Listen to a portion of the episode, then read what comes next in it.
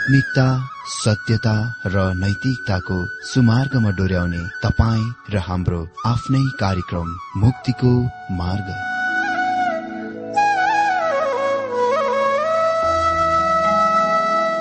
आदरणीय श्रोता यस मुक्तिको मार्ग कार्यक्रममा हार्दिक स्वागत छ। आशा छ यस आत्मिक कार्यक्रमद्वारा जीवनमा आत्मिक आशिष अलौकिक शान्ति र आनन्द प्राप्त गर्नुहुनेछ। र जीवनमा धन्य अनुभव गर्नुहुनेछ। मित्र आज पनि तपाईँ सबैलाई मेरो प्यार भएर नमस्कार अनि तपाईँ सबैलाई जय मसी धन्यवाद छ तपाईँहरूका सुन्दर पत्रहरूको लागि अनि तपाईँहरूका सुझावहरूको लागि। हामी चाहन्छौ कि यसरी नै तपाईँहरू हामीलाई पत्रचार गरिरहनुहुनेछ अनि हामी पनि तपाईँहरूको पत्रको उत्तर दिनेछौ। साथै हामी तपाईँहरूको निम्ति लगातार प्रार्थना गरिरहेका छौं। मित्र अघिल्लो दिनमा हामीले प्रकाश चौध अध्याय चौध पददेखि सोह्र पदसम्म यस विषयबाट देखिरहेका थियौं। चौध अध्यायको चौध पददेखि सोह्र पदसम्मबाट यस विषयबाट हामीले अघिल्लो दिनमा देखिरहेका थियौं आर्मगदोनको पूर्व दृष्टि अर्थात आर्मगदोन युद्धको पूर्व दृष्टि आज हामी यही विषयदेखि प्रकाश चौध सत्रदेखि बीस पदसम्मबाट देख्न गइरहेका छौं।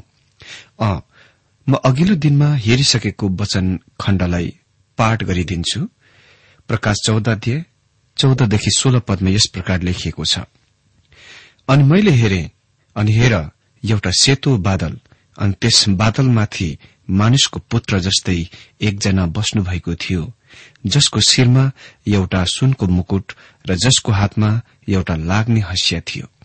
अनि अर्को एउटा स्वर्गीयदूत बादलमाथि बस्नुहुनेलाई ठूलो सोले कराउँदै मन्दिरबाट बाहिर आए। आफ्नो हास्य चलाउनुहोस् र कटनी गर्नुहोस् किनकि तपाईँका निम्ति कटनी गर्ने समय आएको छ किनकि पृथ्वीको फसल पाकिसकेको छ। अनि बादलमाथि बस्नुहुनेले आफ्नो हँसिया पृथ्वीमाथि चलाउनुभयो अनि पृथ्वीको कटनी भयो। मित्र यो पृथ्वीमा ख्रिष्टको दोस्रो आगमनमा स्थान लिनेछ। त्यस समयमा उहाँ दण्डमा आउनुहुनेछ। यो आर्मगदनको पूर्व दृष्टि हो। त्यसपछि चौध अध्यय सत्रदेखि अठार पद हेर्दै अगाडि बढ्नेछौ। अनि अर्को एउटा स्वर्गीयदूत स्वर्गीयमा भएको मन्दिरबाट बाहिर आए। उनको साथमा पनि एउटा लाग्ने हँसिया थियो। अनि आगोमाथि अधिकार भएको अर्को एउटा स्वर्गीयदूत वेदीबाट बाहिर आए। अनि जससँग लाग्ने हँसिया थियो उनलाई ठूलो स्वरले यसो भन्दै कराए आफ्नो लाग्ने हँसिया चलाऊ र पृथ्वीका अंगुरका झुप्पाहरू जम्मा पार किनकि त्यसका अंगुरहरू पूरै पाकिसकेका छन्। स्वर्गीयमा भएको मन्दिरले यसलाई पुरानो नियमसँग पहिचान गर्दछ चर्चसँग मण्डलीसँग होइन। लाग्ने हँसियाले चाहिँ दण्डको संकेत गर्दछ। दण्डको। त्यसका अंगुरहरू पूरै पाकिसकेका छन्। यसले चाहिँ सुकाएको अंगुरहरू वा किसमिसहरू जस्तै तिनीहरूको सुक्खा हुने कुराको विचार दिन्छ। यो चाहिँ आर्मगदोनको युद्धको लागि रूपकको परिवर्तन हो। अनि यो नै तस्विर यसैयाले दिन्छन्। यसैया त्रिसठ एकदेखि छ पदमा हामी देख्छौ एदोमबाट आउने बज्राबाट चाकिलो रातो वस्त्र पहिरेर आफ्नो वस्त्रमा महिमित र आफ्नो शक्तिको परिक्रमामा बढ़दै आउने को हो? म हो विजय घोषणा गर्ने। र बचाउनमा सामर्थ्य। तिम्रो वस्त्र पोषक किन रातो छ? र तिम्रो वस्त्र दाग कुण्डमा पेल्नेको जस्तै मैले एक्लै दाग कुण्ड पेले। मानिसहरूमध्ये कोही पनि मसित थिएनन्। मैले रिसमा तिनीहरूलाई पेले र मेरो क्रोधमा तिनीहरूलाई कुल्चे। तिनीहरूको जीवन रक्त खुन मेरो पोषकमा छर्किएको छ। र मेरा सबै वस्त्र रगतै रगत भयो। किनभने बदला लिने दिन मेरो मनमा थियो र मेरो प्रजाको उद्धारको दिन आएको छ। मैले हेरे तर सहायता गर्ने कोही पनि थिएनन्। भर पर्ने कोही पनि नभएकोले मैले अचम्म माने। यसैले मेरो आफ्नै बहुबलले मेरो विजय ल्यायो र मेरो क्रोधले मलाई सम्हाल्यो। अनि मेरो क्रोधमा मैले मानिसहरूलाई कुल्छे। मेरो बल्दो रिसमा तिनीहरूलाई धुजा धुजा पारे र मैले तिनीहरूका जीवन रक्त भुइँमा खनाइदिए मित्र यो विविध तस्विर ख्रिष्टको पहिलो आगमनमा उहाँको तस्विर होइन तर ख्रिष्टको दोस्रो आगमनमा उहाँको तस्विर हो जब उहाँ पृथ्वीमा दण्डमा आउनुहुन्छ। यसैयाको दिनमा मानिसहरू कोलमा अंगुरलाई कुल्ची मिल्ची गर्ने नाङ्गो खुट्टासँग जाँदथे। रातो रस पाकेको अंगुरबाट धारो बगि निस्कन्दथ्यो वा पाकेको अंगुरबाट रातो रस पिचिक पिचिक गरेर जोड भावसँग बाहिर निस्कि आउँदथ्यो र तिनीहरूका वस्त्रहरू कपड़ाहरूमा दाग लगाउँदथ्यो। यो पदमा तस्विर चाहिँ यो हो कि दर्शकहरूले हाम्रा प्रभुको सुन्दर वस्त्रहरूमा खून वा रगत देख्छन् जुन तिनीहरूलाई यस्तो देखाइ पर्दछ कि उहाँले अंगुरको रस निकाल्ने चक्कीको चलाउनुभयो। जब ख्रिष्ट पहिलोपल्ट आउनुभयो उहाँले तिनीहरूको लागि आफ्नो खून बहाउनुभयो तर तिनीहरूले त्यसको इन्कार गरे अस्वीकार गरे। अहिले उहाँ दुष्टहरूलाई कुल्ची मिल्ची गरिरहनु भएको छ। अनि अहिले तिनीहरूकै रगत भन्दछ। उहाँले तिनीहरूलाई जम्मा गर्नुहुनेछ। जुन हामी प्रकाश सोह्र अध्यय सोह्र पदमा देख्छौं। भनिएको छ अनि तिनीहरूलाई हिब्रू भाषामा आर्मगदोन भनिने ठाउँमा भेला पार्यो। तर यो लड़ाई होइन तर विशाल युद्ध। विशाल युद्ध हो आर्मगदोनको युद्ध। यसयाको भविष्य बानीबाट यो अनुच्छेदमा ध्यान दिनुहोस् कि उहाँलाई एक्लै अंगुर पेल्ने कोलमा खुट्टाले कुल्ची मिल्ची गरिरहेको देख्नुहुन्छ। यो निश्चय नै भयानक कुरा हो डरलाग्दो कुरो हो। यसमा कुनै आश्चर्यचकित छैन कि पृथ्वीका मानिसहरू तिनीहरूमाथि चट्टानहरू खसोस भनी पुकार गर्नेछन् ताकि तिनीहरू थुमाको क्रोधबाट छिपियोस्। यो त्यो सभ्यताको निराशजनक अन्त हुनेछ। जुन बाबुलको धरारामा परमेश्वरको विरूद्ध सक्रिय विरूद्धमा विद्रोहमा प्रदर्शन भएको थियो। अनि जुन त्यो विद्रोह त्यस बेलादेखि महान समुद्रिक तुफान जस्तै झन धेरै बढ़दै बढ़दै गइरहेको छ र महाक्लेशको अवधिमा त्यसको सम्पूर्ण प्रचण्ड क्रोधमा टुट पर्नेछ। जब हामी प्रकाश उन्नाइस अध्यायमा आइपुग्छौ हामी देख्नेछौ जब ख्रिष्ट आउनुहुन्छ उहाँले आफ्नो राज्य यो पृथ्वीमा स्थापन गर्नको खातिर सम्पूर्ण विद्रोहहरूको सर्वनाश गर्नुहुनेछ। उहाँ भजन संग्रह दुईको पाँच पदको भाषामा फलामको डण्डाले तिनीहरूलाई फोर्नुहुनेछ र तिनीहरूलाई कुमालेको भाँडालाई जस्तै तिनीहरूलाई चकनाचुर पार्नुहुनेछ। मित्र यो कुराको याद गर्नुहोस् कि हाम्रा प्रभु येशु अति नै नम्र दिन दयालु र अनुग्रही संसारको उद्धारकर्ता मात्र हुनुहुन्न तर उहाँ सम्पूर्ण संसारको न्यायकर्ता पनि हुनुहुन्छ। यदि तपाई उहाँले तपाईँको लागि बहाउनु भएको रगतलाई ग्रहण गर्नुहुन्न भने यदि तपाईँको जीवन कालमै महाक्लेश आउँदछ भने तपाईँको रगत भइनेछ तपाईँको रगत भइनेछ मेरो विचार धारणा यो छ कि परमेश्वरको वचनको भ्योस्यारी वा असावधानी अध्ययनले कुनै पनि मानिसलाई यो कुरामा विश्वास गर्नतिर डोर्याउँछ कि चर्च यो भयानक अवधि महाक्लेशमा भएर जानेछ वा त्यसमा भएर पार गर्नेछ।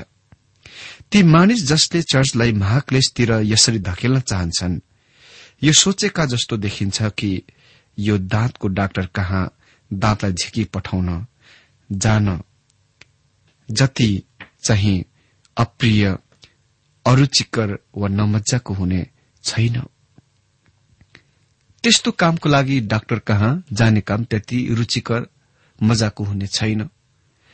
कोही पनि दाँत निकाल्नमा आनन्द र मजाको आभास र महसुस गर्दैनन्। तर त्यसको सहन सकिन्छ। मेरो मित्र यदि यही नै तपाईँको सोचाइ हो भने तपाईँले कति पनि देख्नु भएको छैन कि वास्तवमा महाक्लेश कस्तो हुनेछ। यसैयाले हामीलाई यसको अर्को तस्विर दिन्छन्। यसैया चौतिस अध्याय एकदेखि तीन पद अनि छ पदमा हे जाति जातिका मानिस हो नजिक आओ र ध्यानसित सुन। हे मानिस हो ध्यान लगाएर सुन। पृथ्वी र त्यसमा भएका जम्मैले सुनुन्। संसार त्यसबाट उत्पन्न भएका सारा थोकले सुनुन्। परमप्रभुको रिस सारा जातिहरूमाथि उठेको छ। उहाँको क्रोध तिनका सारा सेनामाथि परेको छ। उहाँले तिनीहरूलाई बिल्कुलै नाश गर्नुहुनेछ। हत्या गर्नेको हातमा उहाँले तिनीहरूलाई सुम्पन हुनेछ। तिनीहरूका मारिकाहरू बाहिर फालिनेछन् र तिनीहरूका लासबाट दुर्गन्ध निस्कनेछ र पर्वतहरू तिनीहरूका रगतले भिज्नेछ। परमप्रभुको तरवार रगतमा चोपिएको छ त्यो बोसोले भरिएको छ। भेडा बाख्राहरूको रगतले भेडा बाख्राको मृगौलाको बोसोले त्यो लतपत भएको छ। किनभने बोज्रमा परमप्रभुको एउटा बलि छ र एदोममा एक ठूलो संहार। ओ यो कस्तो भयानक तस्विर। जसले थुमाको अमूल्य रगतलाई इन्कार गरे। अस्वीकार गरे। अहिले परमेश्वरलाई इन्कार गर्ने चुनौती दिने अनि त्यो ख्रिस विरोधी पशुलाई पछ्याउने अनि त्यसको पूजा आराधना गर्नेहरूको रगतले पृथ्वीलाई नुहाइदिन्छ भिजाइदिन्छ स्नान गरिदिन्छ। यो डरलाग्दो कुरो हो जस्तो कि पाकेको रातो अंगुर किच्याउँदा त्यसको रस जताततै पिच्किँदै निस्किआउँदछ त्यसरी नै त्यसबेला दुष्ट भ्रष्ट मानिसहरूको परमेश्वरको दण्डमा पर्नेछन् र तिनीहरूको जीवनबाट रगतहरू भर्नेछ। यो आर्मगोदोन हो अर्थात हत्याको पर्वत। अनि उन्नाइस र बीस पदमा हामी पढ्छौं यस प्रकार लेखिएको छ अनि त्यस स्वर्गीय दूतले आफ्नो हँसिया पृथ्वीमा चलाए र पृथ्वीको अंगुर जम्मा पारे। अनि त्यसलाई परमेश्वरको क्रोधको अंगुर पेल्ने ठूलो कोलभित्र हाले। अनि शहरदेखि बाहिर त्यो अंगुर पेल्ने कोल कुल्ची मिल्ची गरियो। अनि त्यस कोलबाट घोड़ाहरूका लगाम लगामसम्म पुग्ने गरी दुई सय माइलसम्म रगत निस्क्यो। शहरदेखि बाहिरको मतलब चाहिँ यरुसलेमदेखि बाहिर। घोड़ाको लगामसम्म यसको चाहिँ अर्थ हो करिब चार फिट गहिरो। दुई सय माइलसम्म भनेको चाहिँ दानदेखि बेर्सेबासम्मको दूरी हो। सम्पूर्ण पलिस्तिन यो अन्तिम युद्धको दृश्य हो। जुन आर्मगदोन आर्मगदोनमा अन्त हुन्छ। आर्मगदोन भनिने युद्धमा अन्त हुन्छ। यो युद्ध करिब महाक्लेशको बीच समयदेखि आरम्भ हुन्छ र यसको पृथ्वीमा ख्रिष्टको व्यक्तिगत आगमनद्वारा अन्त हुन्छ। भजन संग्रह पैंतालिस अध्याय तीनदेखि सात पद यसको बारेमा पुरानो नियमको भविष्यवाणी हो।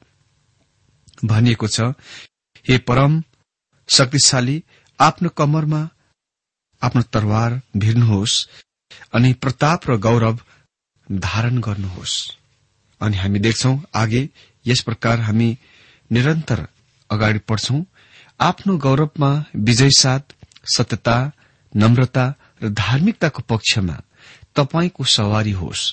तपाईँको दाहिने बाहुलीले चमत्कारका कार्य प्रदर्शन गरोस्।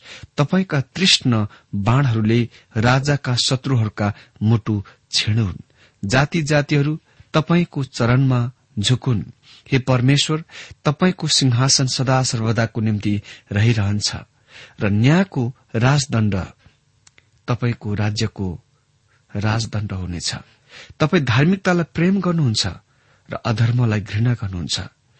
यसकारण परमेश्वर तपाईँका परमेश्वरले तपाईँलाई आफ्ना साथीहरूभन्दा वर्ता गरेर हर्षको तेलले तपाईँलाई अभिषेक गर्नुभएको छ। भजन पैंतालिस अध्याय मसी सम्बन्धीको भजन हो। यसलाई हामी अंग्रेजीमा मेसाइनिक साम भन्छौ। यसले चाहिँ मसीको सम्बन्धको कुरा संलग्न गर्दछ। म यो स्पष्ट गर्न चाहन्छु कि यी दण्डको दृश्यको लागि म कुनै क्षमा याचना बनाउँदिन र खेद प्रकट गर्दिन। परमेश्वरले उहाँको वचनको लागि मलाई यस्तो कुनै काम गर्न भन्नुभएको छैन। उहाँले मलाई बरू यसको दिन बताउन भन्नुभएको छ। हामीले यी तथ्य वा सत्यताको सामना गर्नुपर्छ। पहिलो पाप भएन कुरा हो। डरलाग्दो कुरो हो। दोस्रो पाप संसारमा छ। अनि तेस्रो तपाई र म पापीहरू हौ। पापको लागि उपचार वा समाधान खालि ख्रिष्टले प्रदान गर्नुभएको छुटकारा वा उद्धार हो।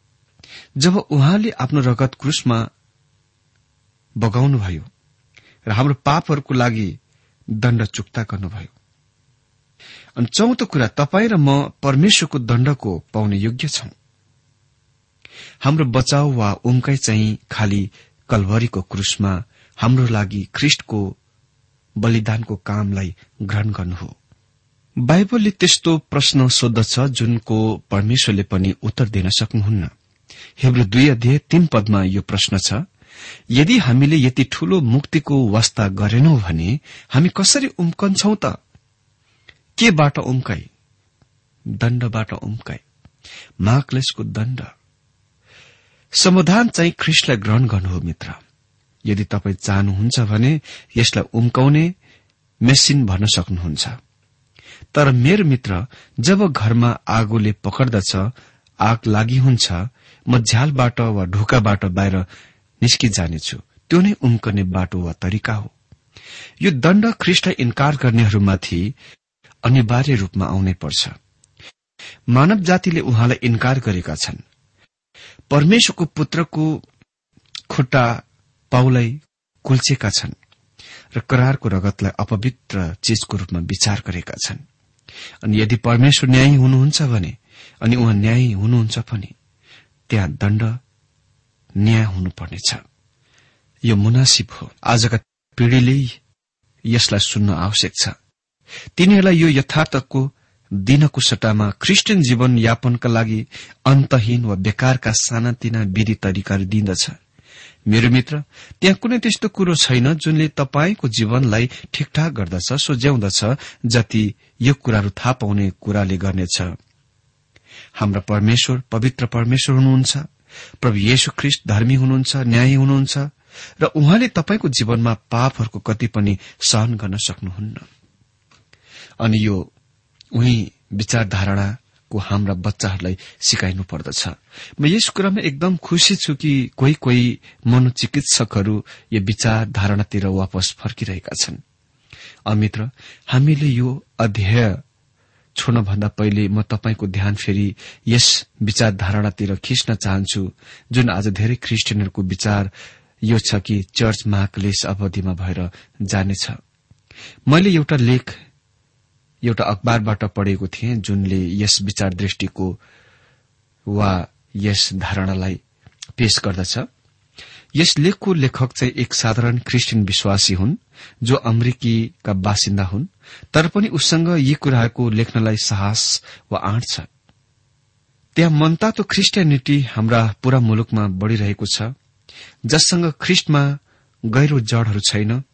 यस विचारबाट हच्किन्छन् परमेश्वर आफ्ना मानिसलाई क्लेश संकष्टले जाँच गर्नुहुनेछ वा उहाँले आफ्नो चर्च वा मण्डलीलाई ख्रिष्टको लागि दुलैको रूपमा तयार हुन सहायता गर्न कष्टहरूको प्रयोग गर्नुहुनेछ।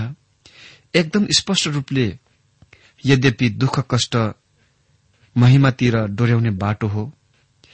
हामीलाई यसको निम्ति बोलाएका हौ। किन? किनभने ख्रिस्टले पनि दुःख कष्ट भोग्नुभयो र हामीलाई उदाहरण छोड्नुभयो कि हामीले पनि उहाँको कदमको पछ्याउन सकौं र पछ्याउनु पर्छ। यो सोचाइको परिणाम स्वरूप म ख्रिस्टियनहरूलाई कति पनि सिकाउँदिन कि तिनीहरू क्लेश संकष्टमा भएर जानुपर्नेछ।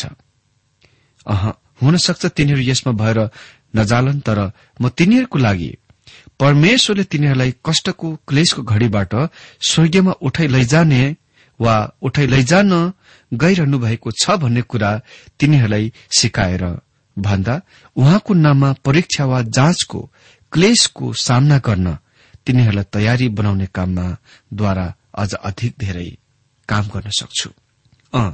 उसको लेखमा त्यस सर्वसाधारण विश्वासी मानिसहरूले यो पनि भन्छन् कि त्यस व्यक्तिमा महान वृद्धि हुन्छ जसले परमेश्वरका सारा हात हतियारहरूको धारण गर्दछन् र उनी त्यस दिनको दुष्टताको विरूद्धमा खड़ा हुन सक्छन् उभिन्न सक्छन्।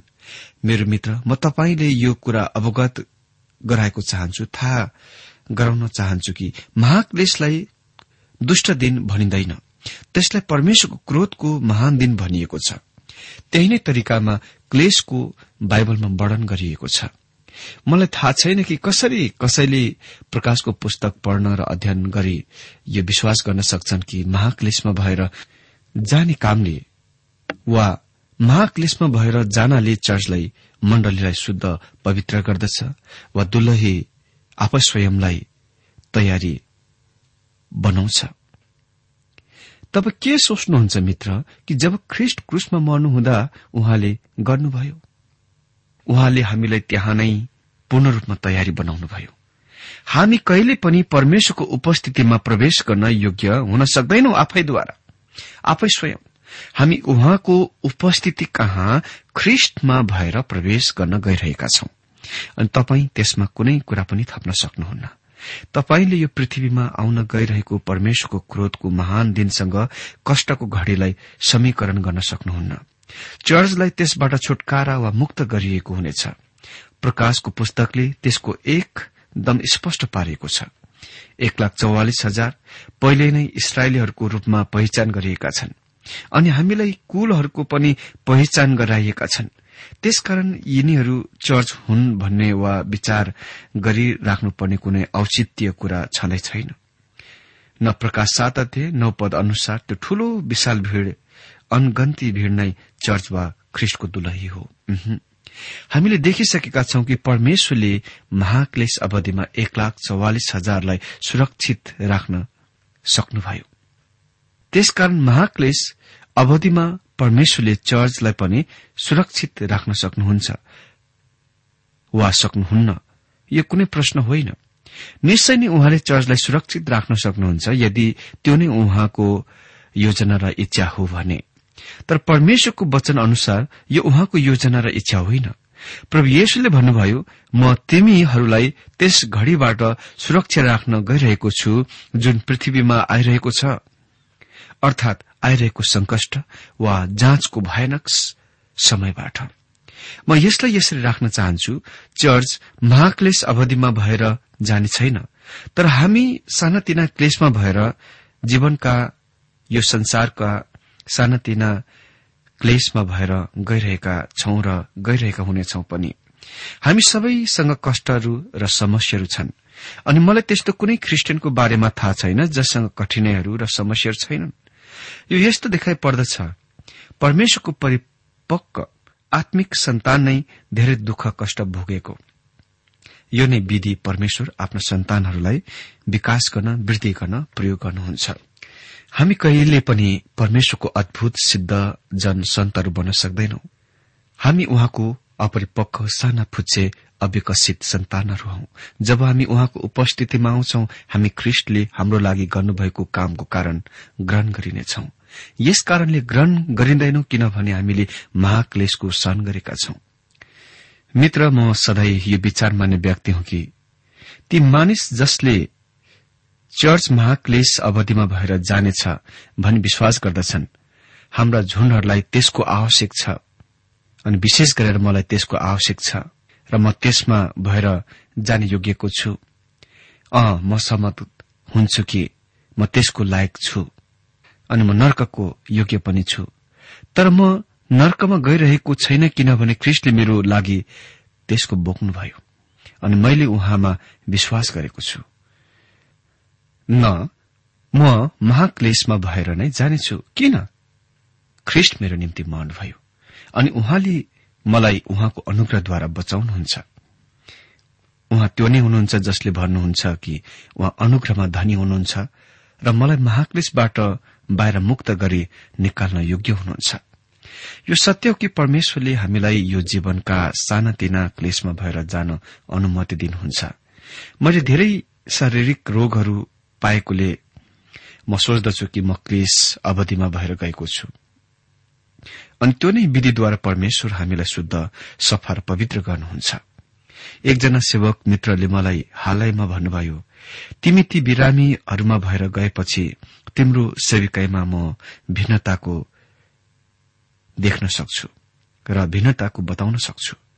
म विश्वास गर्दछु कि उनी त्यसमा एकदम सही छन्। म जान्दछु कि परमेश्वरले त्यसको उद्देश्यको लागि नै हुन अनुमति दिनुभयो।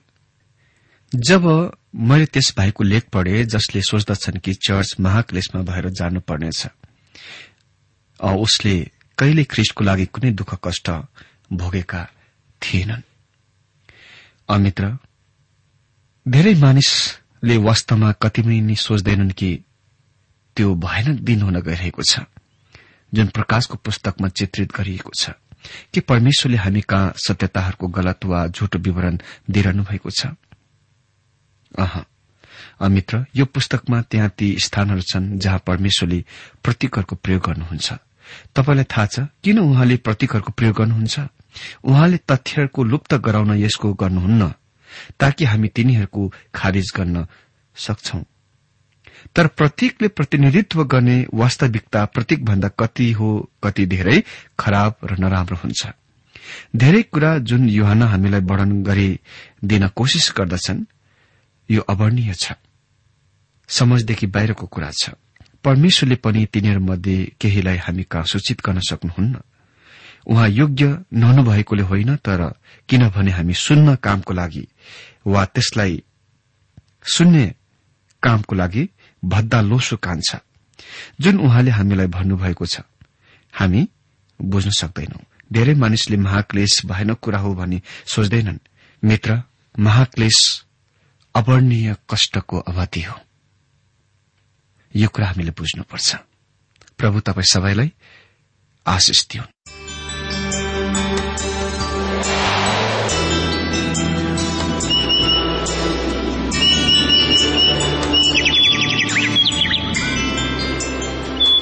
प्रिय श्रोता अहिले भर्खरै तपाईँले टीडब्ल्यूआर नेपालद्वारा संचालित आत्मिक कार्यक्रम मुक्तिको मार्ग सुनिरहनु भएको थियो। श्रोता आजको यो कार्यक्रम सुनेर तपाईँलाई कस्तो लाग्यो? यदि यो कार्यक्रम सुनेर मनमा कुनै खुल्दुली वा कुनै प्रतिक्रिया अर्थात सुझावहरू छन् भने हामीलाई पत्रद्वारा लेख्न सक्नुहुनेछ। हामी हृदयदेखि नै स्वागत गर्नेछौ स्वीकार गर्नेछौ साथै बाइबल सम्बन्धित प्रचारहरू कार्यक्रम सारणीहरू हामी अनुरोधमा पठाउन सक्छौ। अनि तपाईँसँग कुनै प्रार्थनाको विषय छन् भने हामीले तपाईँको लागि प्रार्थना गरेको चाहनुहुन्छ। चाहनुहुन्छ भने प्रभुमा आफ्नै परिवार सम्झेर हामीलाई पत्रमा लेख्न सक्नुहुनेछ। तपाईँको लागि हामी प्रभु येशुसँग प्रार्थना गर्नेछौ। अधिक जानकारी र पत्रचारको लागि हाम्रो ठेगाना यस प्रकार छ। कार्यक्रम मुक्तिको मार्ग जीपीओ नम्बर उनानब्बे पचहत्तर इपिसी पच्चिस एकसठी काठमाडौँ। ठेगाना एकपल्ट सुन्नुहोला। कार्यक्रम मुक्तिको मार्ग जीपीओ नम्बर उनानब्बे पचहत्तर इपिसी पच्चिस एकसठी काठमाडौँ। हाम्रो इमेल एड्रेस हो TWR Nepal at Yahoo dot com साथै यस नम्बरमा एसएमएस गर्न सक्नु सक्नुहुनेछ अन्ठानब्बे चार सत्तरी पैतिस छ सय उनासी नौ आठ चार सात जिरो तीन पाँच छ सात नौ। हुन्छ श्रोता आजलाई हामी विदा चाहन्छौ। अर्को कार्यक्रममा हामी पुनः भेट्नेछौ। तबसम्मलाई नमस्कार।